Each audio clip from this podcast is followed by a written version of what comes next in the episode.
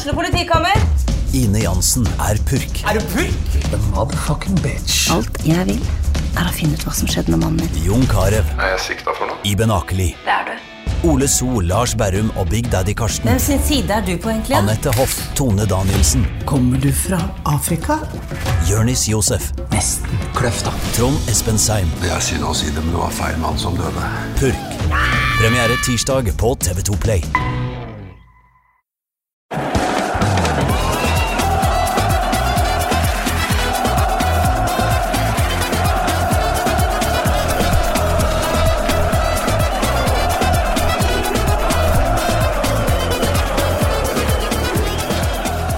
Italia! Kanskje det mest magiske pyronavnet mm, som jeg har vokst opp med, i hvert fall. Det var der eh, pyroteknikk på fotballtribuner ble introdusert for meg. Jeg husker også en eh, kamp på Ullevål stadion hvor Rosenborg-supporterne fyrte av et bluss, og Spiker sa den blant dere som har sansen for italiensk fotball, kan du vennligst kutte ut. For å snakke om Italia, så har vi med oss eh, kommentator i Viasat, Rolf Otto Eriksen. Velkommen. Takk for det. takk for det. Eh, siden jeg møtte deg første gang, det var da du var her for å være med i en Josimar-podkast i høst. Siden den gang så har jeg, og dette er ikke bare noe jeg sier fordi du har vært så hyggelig å komme hit, men eh, du har eh, etter hvert blitt en av mine absolutte favorittkommentatorer. Ja, det får en å si. Det takker jeg jo hjerteligst for. Det er et eller annet med Og dette er noe som liksom har gått igjen i generasjoner av folk som har dekka italiensk fotball. Det er, eh, det er en entusiasme som du Altså, andre ligaer får ha meg unnskyldt, men du finner ikke den måten å kommentere på eh, blant La Liga og liga og den type ting. Hva, hva er det med italiensk fotball spesielt som får deg såpass eh, yr og gal? Eh, jeg uh, er jo gjerne yr og gal for italiensk fotball, eh, selvfølgelig. Uh, og det er fordi det kommer litt naturlig òg. og det tror jeg har noe med at det er mye av den latinske, eller kanskje enda mer den italienske, sjelen som du ser igjen i fotballdelen. Eller calcio. Det er et eget ord, italiensk ord for fotball, ikke sant. Eh, samtidig så er det jo for min del sånn at uh, jeg er jo Italia-frelst uh, på min hals. Eh, og um, da er det veldig lett å overføre den lidenskapen også til fotballdelen. fordi når du er fotballmann i tillegg, så, så er det veldig vanskelig å sitte rolig og være kontrollert når du ser uh, Serie A. Så Italia generelt? Ja, absolutt. Maten? Vinen? Vinen. Og gjerne, gjerne en Peroni òg, hvis du byr på det. Det gjør du jo. Ja, jeg gjør jo det, men du vil ikke ha det, du? Nei, nå skal jeg trene etterpå, da. Jeg prøver jo å holde litt tritt med maten og vinen nå. Så jo mer jeg trener, jo mer mat og vin kan jeg kose meg med. Eh, vi har også med oss eh, Christian Ruud Venneråsen. Du er eh, mange ting. Eh, du er eh, antagelig Norges største Palermo-fan. Det er jo rart nok i seg selv. Men du har også skrevet eh, mange, mange artikler om italiensk fotball på nettsiden Italiensk fotball. Italienskfotball.net ja, og fotballsonen.com. Eh, hvorfor eh, Ja, Italia er jo veldig lett å like, så det trenger vi ikke å spørre om. Hvorfor i all verden Palermo? Ja, det er et godt spørsmål. Det har egentlig ikke noe godt svar på det. Det er nysgjerrighet som bare kom mye pga. presidenten Maurizio Samparini. Eh, også et lag som har spilt veldig underholdende fotball. Mye morsomme fotballspillere. Og de rosa draktene var aldri noe hinder. det er bare en ekstra krydder som eh, er med og gjør dette. Men vi vi kan kanskje starte med Palermo, da, for det er jo Gale-Mathias. Altså, Fortell litt om denne presidenten. Maurizio Samparini uh, eid klubben siden 2002. Uh, før det så eide han også Venezia. Uh, litt morsomt at man ser nå en tilsvarende tendens i Palermo som han gjorde i Venezia. Tok over klubben, fikk dem opp i Serie A. Uh, for å så sakte, men sikkert bare rive alt ned. Uh, Ja, Venezia begynte jo også å yppe seg litt, men jeg husker de hadde vel De henta vel uh, Recoba, blant annet. Runar Berg. Runar Berg, ikke Ja, minst. Det er da du mener alvor. Eh, det skjærte seg der, for han ville jo bygge en ny stadion, uh, men fikk aldri den tillatelsen. til Det er vel ikke noe land å bygge på der? Nei, nå, dagens stadion ligger jo på en øy, så det er jo spesielt det i seg selv. Litt sånn Dubai-preg over det. Ja. Men Eh, tilbake til Palermo. Ja, altså det, Han er jo kjent for å sparke trenere i hytt og gevær. Ikke denne sesongen, vel? De er på fjerde trener nå. Uh, men det skal sies at han har kun sparka én mann denne sesongen her. Uh, men det er jo også spesielt at sportssjefene kommer og går i like høyt tempo. Ja, uh, hva er det Altså, er han umulig å samarbeide med, eller er det Det er en mann som går veldig mye på følelser. Uh, skal ikke legge skjul på det. så er det Det jeg lurer på noen ganger, Kristian, det er jo eh, hva som gjør at en sånn fyr kan uh, altså, Selvfølgelig, han har jo mer eller mindre all makt, men eh, hva er det som gjør at man kan holde på sånn uten at det er et eller annet som, som griper inn, eller Det har jeg lurt på mange ganger når jeg skal kommentere Palermo, så er det jo, må jeg forberede meg på en ny trener omtrent hver gang. Ja. Og så er det galskapen til, eh, til eh, Samparini som er eh, utgangspunktet for det. Men hva, hva, er det som gjør at en sånn gærning egentlig altså, kan fortsette og fortsette? Så det er ikke noe kontroll på hvem som kan eie klubber i Italia. Det har jo alltid vært et problem. Det, det er bare å ta kontakt med den daværende klubbpresidenten og forhandle en pris, og så er klubben din. Men med, med fare for å høres fordomsfull ut, så Sicilia er jo liksom der mafiaen kommer fra, nærmest. Og vi har jo historier fra andre mer sindige klubber i Italia hvor fansen har tatt affære. Eh, hvordan kan han tørre å holde på sånt? I, holde på sånn? Altså Han er jo svært sjelden på Sicilia og i Palermo. Uh, nå har det jo også gått rykter om at uh, eller han har blitt påstår selv at han blitt feilsitert i et intervju hvor han sier at han ikke vil dra tilbake, for han føler seg ikke trygg der. Uh, det er jo også ukentlig protester mot den, både på kamper, på Palermos treninger. Så fort han er i byen, så er det jo en banner på treningsanlegg overalt hvor det står Samparini ut. Uh, men uh, han Det er jo ingenting som stopper han. Han har full kontroll over klubben. nå skal det sies at han har også et stab av rådgivere som sitter og hvisker han litt sånn Og likevel så gjør han disse det er litt som Donald Trump. Han har en hel haug med folk rundt seg, og så får han eh, gjennomført og Hva slags virvelløse dyr er det som uh... Man kan jo også spørre seg hvor mye kunnskap disse rådgiverne sitter med. Uh, en av dem som er liksom det mest sentrale, er Davor Kurkovic, som nå er agent til godt over halvparten av spillestallen. Og er da Samparinis rådgiver når det kommer til spillekjøp. Uh, det er jo godt svar på hvorfor det har gått som det har gått med Palermo. Det høres jo sunt ut, eh, Ralf Otto. Nei, det er eh, Men du kan si at eh, nå er det der ekstremt selv til Italia å være. Det vil jeg jo hevde. Men samtidig så har det jo Det er et land som også har hatt Berlusconi som statsminister, ikke sant. Så noe av det som jeg syns er Og Palermo er ekstra interessant og eksotisk fordi at Sicilia er jo så fantastisk vakker i seg sjøl, og fortjener jo et fotballag som, uh, altså så godt som mulig. Og det er jo en uh, lidenskap der i alt den foretar seg. Altså om det er uh, mat, eller om det er vin. Noen av altså, Italias beste viner lages på Sicilia, i nærheten av Etna, og flere steder. Men så det er en sånn voldsom lidenskap i, i alt uh, sicilianerne gjør. Og det, sånn sett så er det for så vidt en litt sånn rød tråd i det. At det er liksom, altså Palermo, der er det ild. Og, uh, men samtidig så er det klart at det, det her er jo Det er jo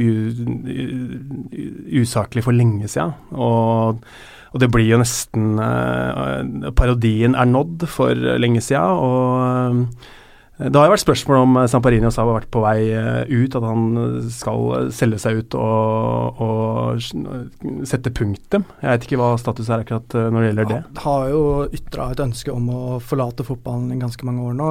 Sliter veldig med å finne eventuelle nye eiere. Nå så man på en måte en fortgang på prosessen i fjor sommer.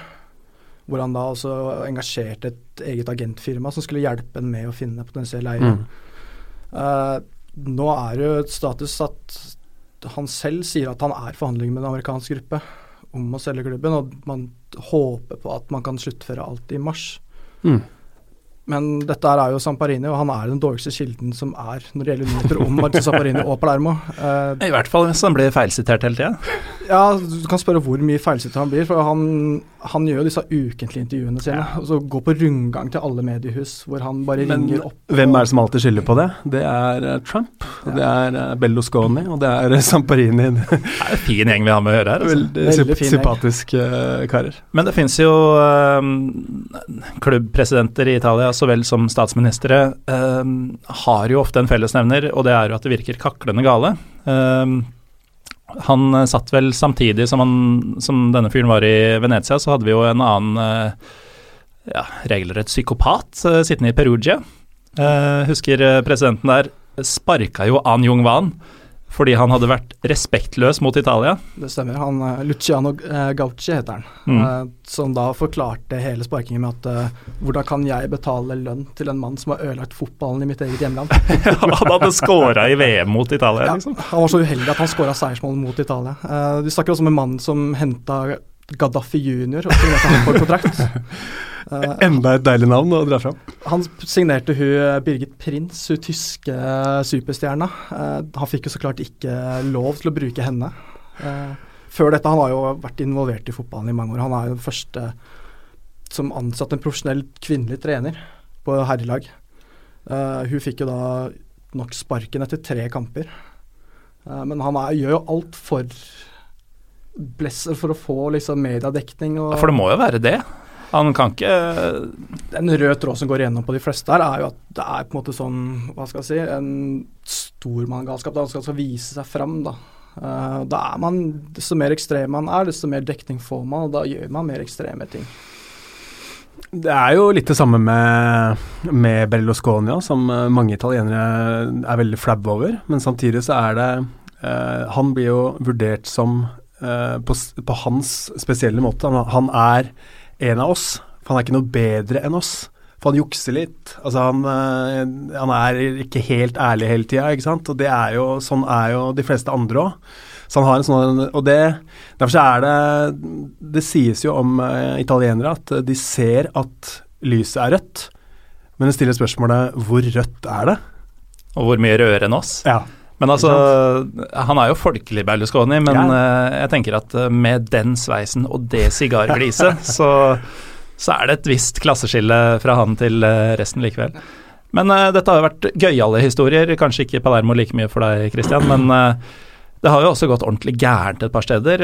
Parma, som Altså, jeg nevnte innledningsvis om at jeg ble introdusert til blussing på stadion via italiensk fotball. Jeg ble også introdusert til italiensk toppfotball via Parma. Det blir man ikke lenger. Hva i all verden skjedde der? Uh, der har jo diverse eierskap uh, rett og slett dratt klubben så langt ned i søla som den kommer. Nå er de i serie C etter at man måtte starte helt på nytt igjen. Siste gangen det gikk gærent, var med Tommaso Girardi, som prøvde å gjenskape de gamle toppene fra 90-tallet ved å da bygge opp et nytt storlag på penger som rett og slett ikke fantes. Uh, og når dette her da eskalerte til et punkt hvor det ikke fantes noe penger, spillerne fikk ikke lønn, man hadde ikke råd til å betale varmtvann, uh, så er jo det problemet som er litt med eierproblematikken i Italia, det er ikke noe kontroll på hvem som kan kjøpe og eie klubben her. Fordi det han da gjør, er at han finner da et investorselskap og for en symbolsk sum overføre klubben til dem. Uh, med gjeld og alt som er. Så han har fraskrevet seg alt ansvar da. uh, da kommer det da inn en albansk gruppe som heter Dastro Holding Limited. Uh, og de lover jo da på tro og ære at nå skal all gjeld slettes, vi skal hente inn spillere som skal redde klubben fra nedrykk. Spillerne kommer, men ingenting blir jo betalt. Det så nesten ut som Rolf Otto brakk seg da du nevnte det firmanavnet.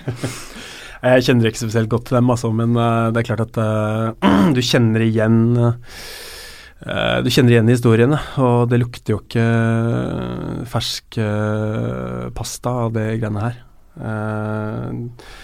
og ekstra trist er det jo fordi at du da har en klubb som på sitt, som du sier, ikke sant, som du fikk en slags introduksjon til, til toppen av Serie A med som da er eh, nede i divisjonssystemet, men som vel kanskje er i ferd med å bygge seg sakte, men sikkert litt eh, opp igjen. da. På vei oppover og ser godt Eller regner med at de vil være i Serie B neste sesong.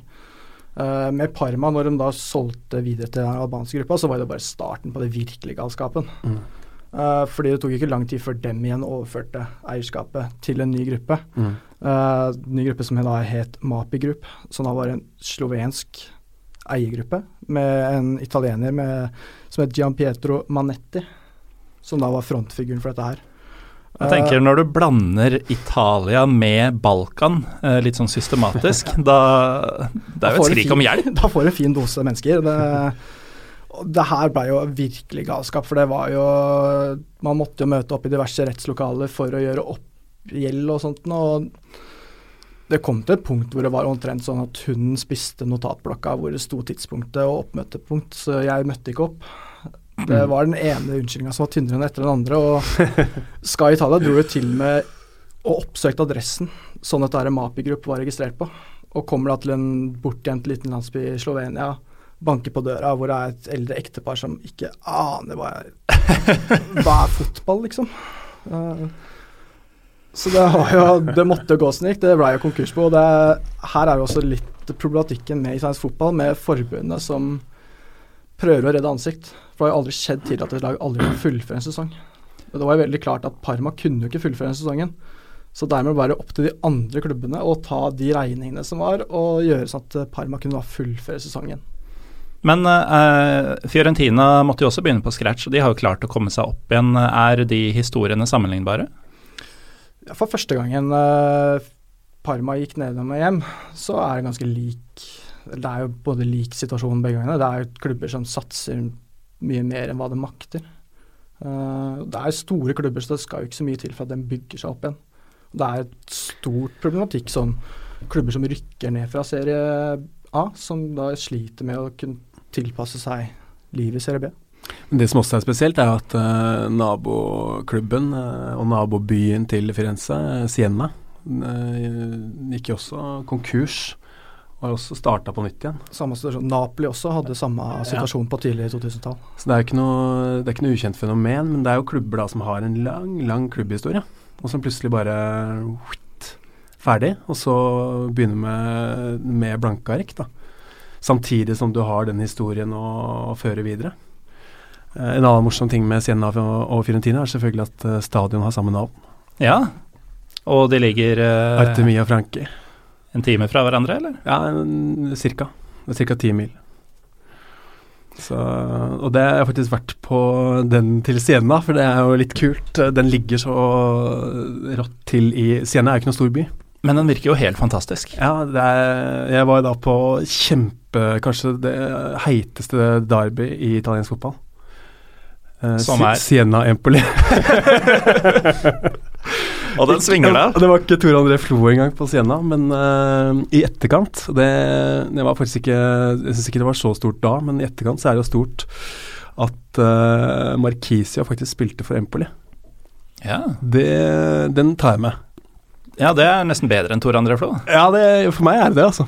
Helt soleklart. Ikke noe vondt sagt om uh, Tor André, selvfølgelig. Men, uh, men poenget er at uh, den ligger som en sånn gladiatorarena midt i byen.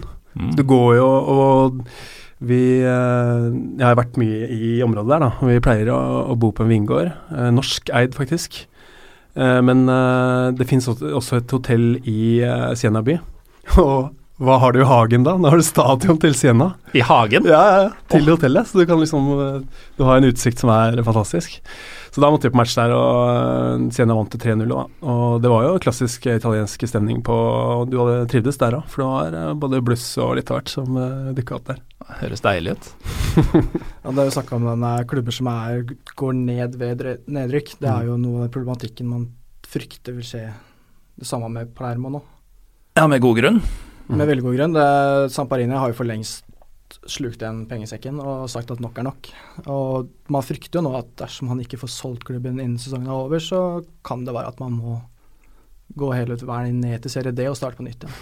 Man skjønner jo etter hvert hvorfor han ikke føler seg trygg i eh, Palermo. Med all god grunn. Men uh, altså Det var jo noe av skjermen med italiensk fotball i storhetstida, var jo at det var så mange lag som kunne vinne. Uh, du hadde Juventus selvfølgelig. Jeg tenker at vi trenger ikke å snakke altfor mye om Juventus, uh, for det er gjort andre steder. Men du hadde begge Milano-klubbene, du hadde til dels to Roma-klubber. Du hadde Parma, Fiorentina til en viss grad. Mm. Uh, og nå er det litt sånn for min del da, at når jeg ser at uh, det er Lazio Milan f.eks. en søndag kveld, så er jo det egentlig en godbit, men jeg opplever det ikke sånn lenger. Og det er jo mye av grunnen at uh, Milan og Inter, altså begge Milano-klubbene, de er jo en skygge av seg selv.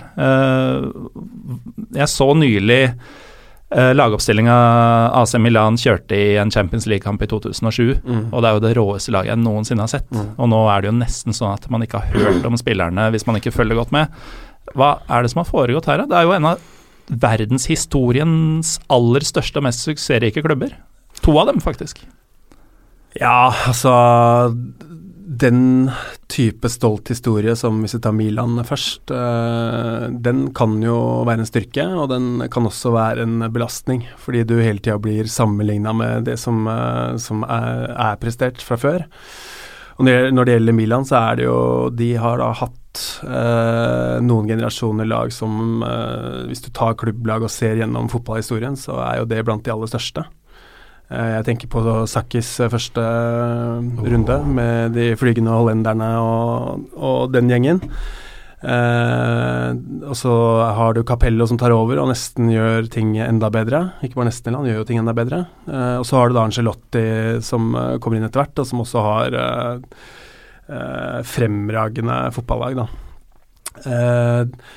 og så er det da mannen vi snakka litt om i stad, Bello Sconi, som har vært med hele veien her. Uh, og vært faktisk en uh, viktig, viktig, faktor òg. Uh, eh, han har gjort mye ellevilt og dumt, men akkurat når det gjelder Milan, så kan man jo ikke stikke under stolen at Bellosconi har vært med og bidratt til at det er blitt suksess der. Uh, og da er det jo den situasjonen på eiersida der med hvor kinesere er på vei inn der også, som det, det også er i Inter, eller er i Inter. Uh, og det er vel en sånn overgangsfase da, hvor man har hatt mange trenerbytter, tidligere spillere som har kommet inn, store navn, men ikke modne som trenere. Og så har det blitt en sånn både generasjonsskifte på spillersida og på det som har med eierskap og den delen å gjøre, som har vært uklart og uavklart. Og som ikke er 100 avklart uh, ennå heller, egentlig. Uh, så, det er, så, så det, er, det er, jo summen av det som gjør at, uh, at Milan de siste sesongene har vært en skygge av seg sjøl. Når det er sagt, så er det jo også litt uh, skyggefullt akkurat nå, men før jul, så, altså første halvdel av sesongen, så var det veldig uh, positive takter. Ja, det så lovende ut. Ja. Og et kult lag de har på gang også. Med mange, med mange unge lovende, eh, som, som, har Milan i hjertet òg, ikke bare drakta over huet. I tillegg til at Montella altså, hadde jo en veldig klar retning på, på ting. Og så har det blitt mange skader der nå, eh, på sentrale spillere. Eh, og da viser jo viser det seg at, uh, som egentlig ikke er en overraskelse, at den stallen som de har nå, er for tynn til å tåle den type skader. Da. Mm. Og da, når du har hatt de skrinne åra nå, og det kommer en sånn motgangsperiode igjen, så vil jo alt det som har skjedd av negative ting, vil jo bare forsterke situasjonen nå. Uh, så jeg syns jo at uh, uh, den kritikken som Milan rammes av i øyeblikket, er litt overdrevet og litt sånn litt med skylapper på. Man må se sesongen over ett, og så må man gi Montella litt, litt, mer tid til å fortsette å forme ting. Og Så får man se om når nye eiere er inne på, inne på banen for fullt, om det er nok til å få inn den kapitalen som trengs for å kunne hamle opp med, med Juve i Italia, og da kunne komme seg tilbake på den europeiske arenaen. Eh, samtidig som eh, Skal bare ta ett punkt til, og det som er litt sånn kjeppheste for meg, og det går jo på anleggssida Ja. i eh, Italia. For der skjer det lite. Der skjer det Der er det jo noen planer. Roma har jo store planer, og det er Alle klubbene i Italia har konkrete planer om å bygge. Ja. Det er bare at det er ingen her som er realistiske. Nei. Og så er det det italienske byråkratiet som gjør at eh, det er, eh, det er veldig vanskelig å få til ting, da. Roma er kanskje litt nærmere nå enn eh, det så ut en liten periode, men eh, er vel den klubben som er nærmest å få ny stadion på plass. Eh, nå er det jo litt sånn fram og tilbake med Roma om hvorvidt Ja. det blir at de får byggetillatelsen. Ja. Eh, Men det, og Jeg pleier å bruke Tyskland som eksempel, fordi vi hadde litt sånn samme situasjon i Bundesliga før VM i, i 2006. Men da blir jo alle anlegg og sånn opprusta til, eh, til det sluttspillet. Du ønsker et sluttspill til Italia? Ja, så det mener jeg jo bestemt, da. Det er 1990 vi, når vi snakker om det forrige. Det ble regna som et litt sånn kjedelig VM, men eh, jo mer jeg liksom ser tilbake på det, så Ja. var det jo mye fett der. Ja, det var det. Ikke minst eh, faktisk eh, England, da. Eh, Vi skal være litt uh, aglofile et lite øyeblikk her. Renegi Higita mot Roger Milla. Og, For eksempel. Det er mange store der. Men, Men, eh, ja. men uh, poenget mitt er at uh, da skjedde noe på anleggssida, uh, samtidig som eh, det også blei eh, lagt om eh, når det kommer til eh, eh, hvordan man jobber med talentutvikling og, og den delen der. Eh, og det Jeg ser at uh, det tenkes uh, en del av de samme tankene i Italia nå. Og vi har en generasjon med unge spillere på vei fram i Italia som er meget interessant, og som er veldig lovende for italiensk fotball. Så den uh, talentutviklingsdelen, den uh, syns jeg faktisk at ser lovende ut. Men eh, på anleggssida så, eh, så er det et eh, langt større lerret å bleike. Disse lovende spillerne mm, Tenker du da først og fremst på et par gutter i Milan, eller er det flere du vil trekke frem? Nei, altså det er mange å, det er mange å trekke fram eh, der, men det er klart at når du har hatt et, et ikon og en uh, som uh, ja, altså Jeg uh, tar en av fart og kaller han tidenes beste keeper, Buffon. Eh, eh, så kan man diskutere det, men eh, når man da får en kar ved navn Donnarumma som i en alder av 17 eh, og 16, da, men nå 17, snart 18 Han var ikke, Fe- 25. februar, tror jeg. Han var ikke født da Buffon debuterte på landslaget, var det ikke sånn? Og når du da får en, en sånn Altså, når du bare vokser fram en sånn kapasitet, som er Altså, han er antagelig verdig til å etterfølge tidenes beste keeper. Det, og du starter jo, starter jo bakfra, ikke sant? Eh, og du har eh, du har eh, Locatelli i Milan, du har Romagnoli, du har Bernadeschi i, i Fiorentina. Han er fin. Og du har Chiesa i Fiorentina. Sønnen av tidligere storspiller Enrico Chiesa. Hva tror vi om Federico? Nei, han syns jeg ser veldig lovende ut. 17 år? Ja, det stemmer vel kanskje. 17 eller 18. ja, lurer på om han var bikk 18. Ja. Jeg tror kanskje han det Ja, i hvert fall i det leiet. Likevel. Vi har jo en lytter eh, for øvrig, hei Hans Fredrik, som eh, for tida har sesongkort på den Artemio Frankien Ja, som er i stemmer. Firenze. Han var jo bl.a. på Fiorentina Juventus. Han har eh, jeg god kontakt med. Ja, det har jeg sett Ja. på, i sosiale medier. Eh, han kan for øvrig også fortelle at uh, han har vist dette med bilde, at uh, på en kafé langt, langt vekk fra stadion i Mm. Firenze, så fikk han en regning, eller en kvittering, som det nederst hvor det takker for besøket og det står momsen og sånn, så står det helt nederst Juve Merda. Ja, ja, ja, selvfølgelig. Det er det som er så Og den er jo akkurat eh, den rivaliseringen mellom Fiorentina og Juventus er faktisk eh, Den har en del humor i seg òg.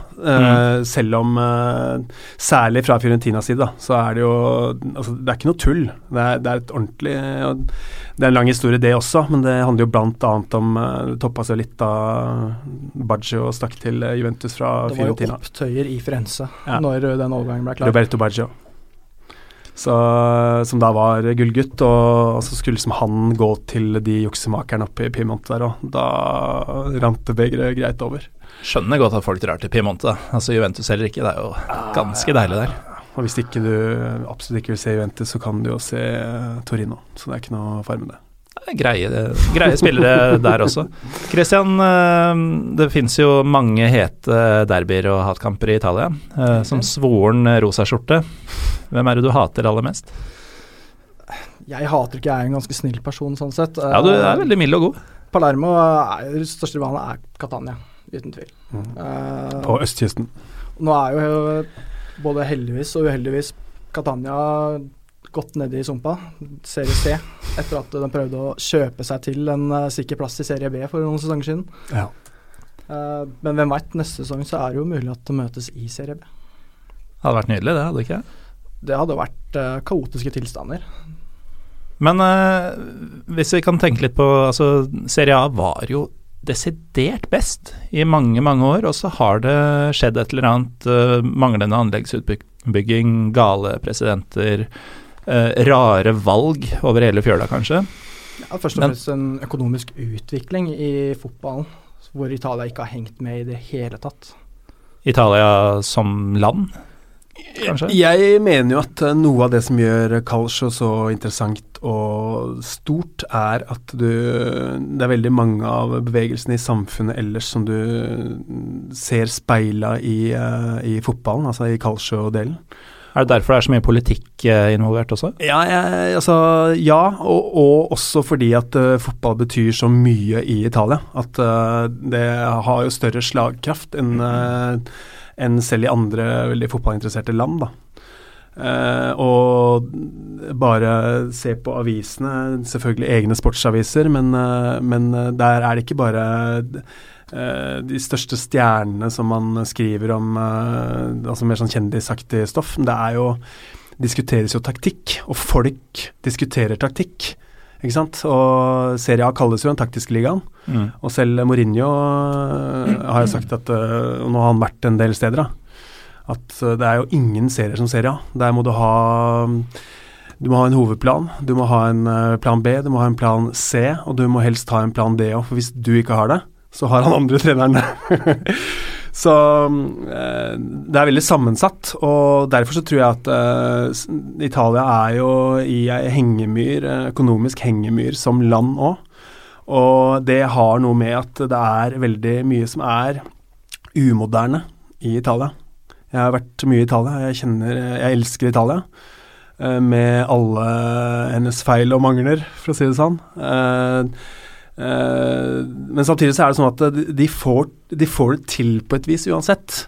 Og litt sånn er det jo i fotballen nå, ikke sant. Mm. Altså, det er så mye galskap i systemet her, men uh, Juve er jo, har jo hatt sine ting, men uh, er jo da også et slags sånn motpol da, til all galskap, i hvert fall det moderne Juve. Da Conte kom inn som trener, og du har Agnelli på, på, toppen der. Du har, øh, du har Nedved som er, øh, som er inne. Altså det er seriøse, dyktige folk. Og noe av det som gjør Juve til Juve, det er jo at det er stabilt lederskap. Og Det som øh, er nå, er jo at Juventus er jo det eneste italienske laget som tas ordentlig på alvor i Champions League-sammenheng, bl.a. Og du var innom dette med anleggsbygging. De er jo også et av veldig veldig få lag som har faktisk bygget et nytt Nettopp. stadion. og virker som en moderne klubb som henger med i tida. da. Også en av få klubber som også eier anlegget sitt selv. Mm. Det er også en veldig stor faktor som må tas med her. At det er, nå er tre lag i Serie A som eier sitt eget stadion. Hvem er de andre? Uh, Udinese og Sassolo. Mm. uh, det, det, er jo veldig mye inntekter som går bort. Mm. Uh, jeg veit Milan, de planene som er for stadion der sånn, så skal de redusere kapasiteten med 30 000.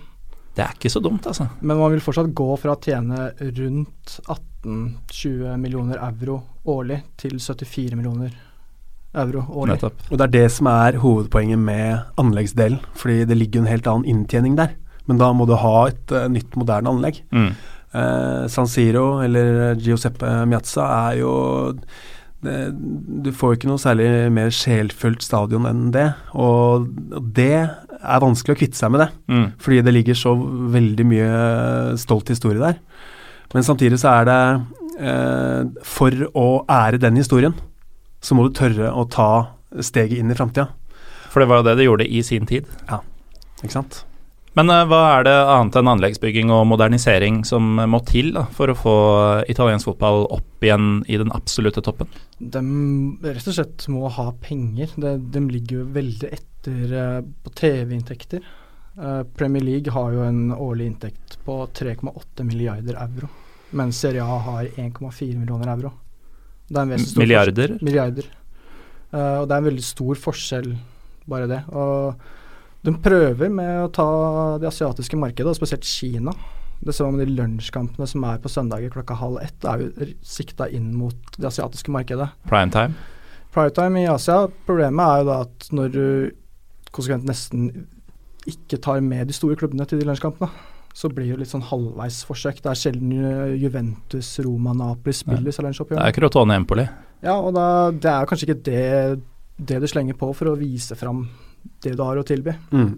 Det var Crotone Roma sist, faktisk. Eh, men det er jo riktig som du sier. Uh, så eh, det er et poeng. Samtidig så er det klart at det, at de store pengene, bortsett fra da for Juventus del, for der er det jo både Champions League og det er moderne anlegg og du har en veldig god drift og fornuftig eh, filosofi når det gjelder eh, kjøp av spillere, salg av spillere. Altså det er jo balanse i regnskapet, da.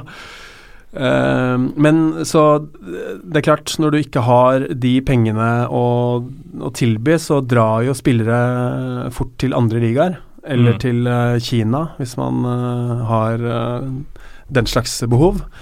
Eh, men uh, Så det, det er jo én konsekvens av det. Men uh, det jeg liker med måten det tenkes på i italiensk fotball nå, det er at det er eh, veldig sånn jeg, jeg opplever i hvert fall at det er et mer bevisst forhold til det som handler om å dyrke fram de italienske spillerne. Og gi, gi dem både spilletid og, og muligheter da i Serie A, sånn at eh, man kan eh, i hvert fall jobbe godt med den delen. For det er en Man kan ikke bare man kan ikke bare kjøpe seg til en uh, toppliga heller, for du må ha identitet her.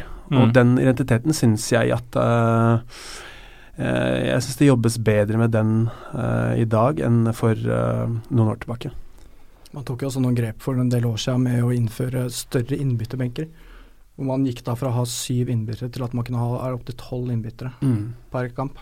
Og da slipper man da å vrake disse unge guttene. Man kan ha dem med på benken, og dersom det er mulighet for det, så kan man kaste dem innpå. Mm. og Det, det har, ser ut som det har hatt en veldig positiv effekt Mm. på serien. Og Det betyr selvfølgelig også mye for, eh, for eh, Glia Sorry, da, landslaget.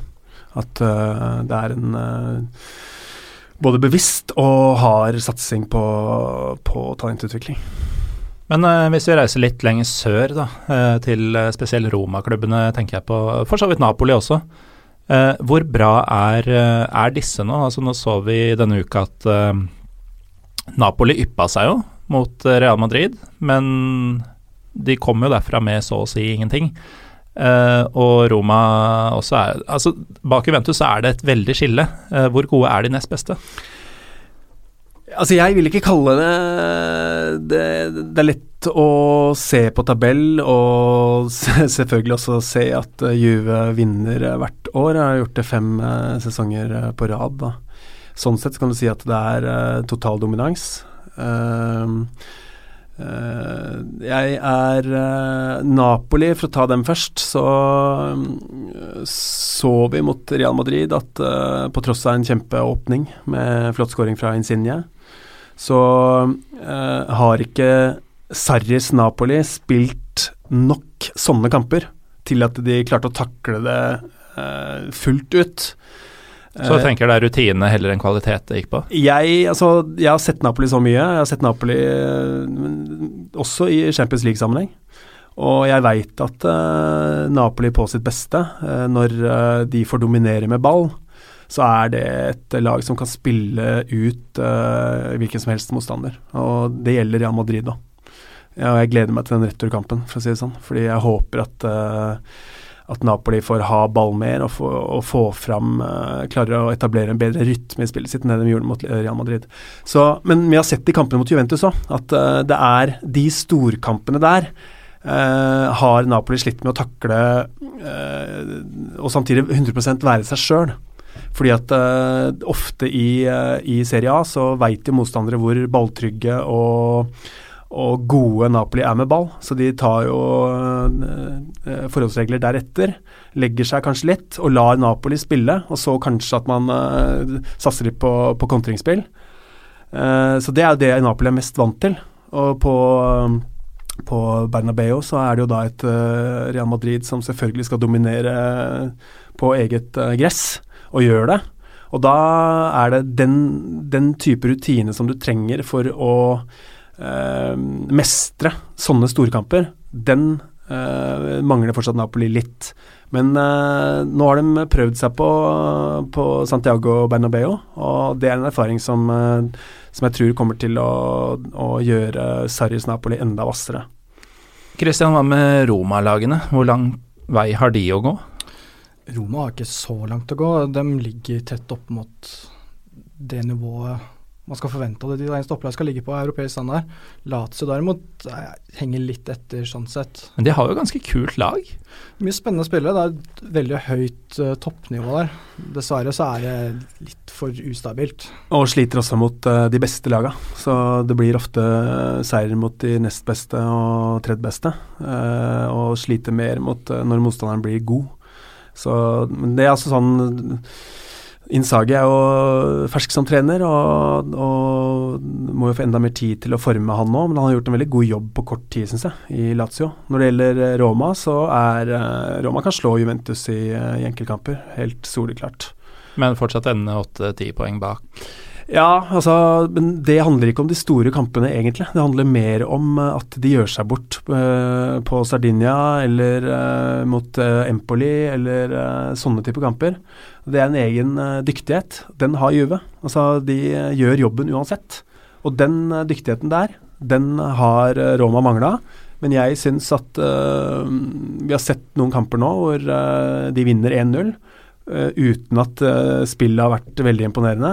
Men de, de vinner 1-0, tar tre poeng. Og det er litt sånn Juve over. Mm. Det er en sånn egenskap som Roma er helt avhengig av, både i Serie A for å kunne være med hele veien, men også da i, uh, i Europacup-sammenheng. Du ser jo en klar link der til uh, Contes Chelsea gjør i England. Eh, så det er tydeligvis noe som, eh, som, det er kultur for i eh, den delen av Torino. Mm. Før vi runder av, så til det jeg har gleda meg aller mest til. Det er å snakke om de oppgjørene i Italia som dere mener våre lyttere bør gjøre en innsats for å få med seg før de dør. Er det noen som vil starte? Genoa-derby er jo helt klart den som består stå øverst på alles liste. Derby eller Lanterna mellom Genoa og Santoria. Mm. og Lanterna betyr det jeg tror det betyr, ikke sant? Det er fullt hus. Det er, det er spillet om fyrtårnet. Det er fullt hus, det er trøkk, det er uh, underholdende fotballkamper. Det er absolutt noe alle bør få med seg. Ja, det er ikke vanskelig å, å nikke, nikke, på huet når jeg hører det der. Uh, samtidig så er uh, Nå har jeg kommentert alle disse derbyene. og bare det at du har det navnet på derbyene er jo Det blir en sånn slags uh, poesi av det. Fordi det gjør det. Det, det er så flott. Uh, og det er veldig typisk italiensk fotball. Det er jo sportsjournalisten Gianni Brera som egentlig er mannen bak alle de navnene på, på derbyene. Derby i Italia eh, klarer jeg ikke å unngå å nevne. Det er det største, syns jeg, eh, fordi at eh, det i sin tid ble hetende det fordi det var liksom de to beste klubbene i Italia som møtte hverandre. Så det var da kampen om Italia, eller kampen om fotballmakten i Italia, ikke sant. Ja, For det har jeg lurt på hvorfor det er Inter og ikke AC Milan som har uh... ja, Det er fordi at det kom på 60-tallet, ja. og da var det jo Inter som var det, det store, i tillegg til Juventus. Inter. Ja, nettopp. Eh, så det, det, handler om det, og da var det Brera, selvfølgelig, smart som han uh, var, uh, klekka ut at det her er Nå skal vi lage det til et spill om Italia her, for dette er jo de to store. Og det har det vært siden, og så har det gått litt i bølgedaler når Inter har prestert under pari, og, men vi fikk jo da det forrige Derby d'Italia, som jeg syns var Det leverte? Ja, det, det leverte så det sang etter. Uh, og da fikk, da fikk, vi virkelig kjenne på hvor mye det betyr, og hvor, int hvor, dypt intense de kampene er, både på gresset og på tribunen. Uh, og det er sånn klassisk etterpå da, så er det selvfølgelig en lang føljetong fra Inters side når det gjelder dommeren. For han, det, det, er jo sånn det er, at han er i lomma på Juventus, ikke sant. Det er jo Selvsagt. gjennomgangsmelodien. Ja, Italia er et nøtteskall. Den der, det er alltid noen andre sin skyld at man taper. Ja. Sånn er det i Tyrkia òg. Ja. Og eh, jeg vet ikke hvor utbredt det er, men eh, en del tyrkere omtaler italienere som europeiske tyrkere. Ja. Og jeg ser definitivt likheten på mange områder. Uh, en annen ting, uh, apropos det, som jeg la merke til under derbyet til Italia sist, det var produksjonen. At de har kameraer inne i garderoben, mm. inne i spillertunnelen, mm. ikke minst. Mm. Der 10-15 eh, minutter, som også Viasat viser, ja. Eh, med bare eh, hymner på stadion, mm. og de setter rammen, da. Jeg liker jo det veldig godt, og jeg vil jo at vi skal legge det ut hver gang, egentlig. Fordi mm. jeg syns at det er en veldig appetittvekker før kamp, da. Så får du et sånt innblikk i det indre livet som du ikke gjør ellers. Mm. Så vi har Men det, det må klaffe litt med, med sendeplanen ellers. Men eh, når vi har mulighet, så er i hvert fall min holdning at vi skal vise så mye som mulig, eller det så ofte som mulig. Og med det så eh, må vi rett og slett gi oss. Eh, vi klokker inn på litt over 45 minutter, som jeg syns er ideelt. Takk Christian Ruud Venneråsen og Rolf Otto Eriksen for at dere kunne komme. Jeg heter Morten Galaasen. Vi er Pyro Pivopod på Twitter og Instagram. Hvordan sier man ha det på italiensk? Arrivederci. Arrivederci.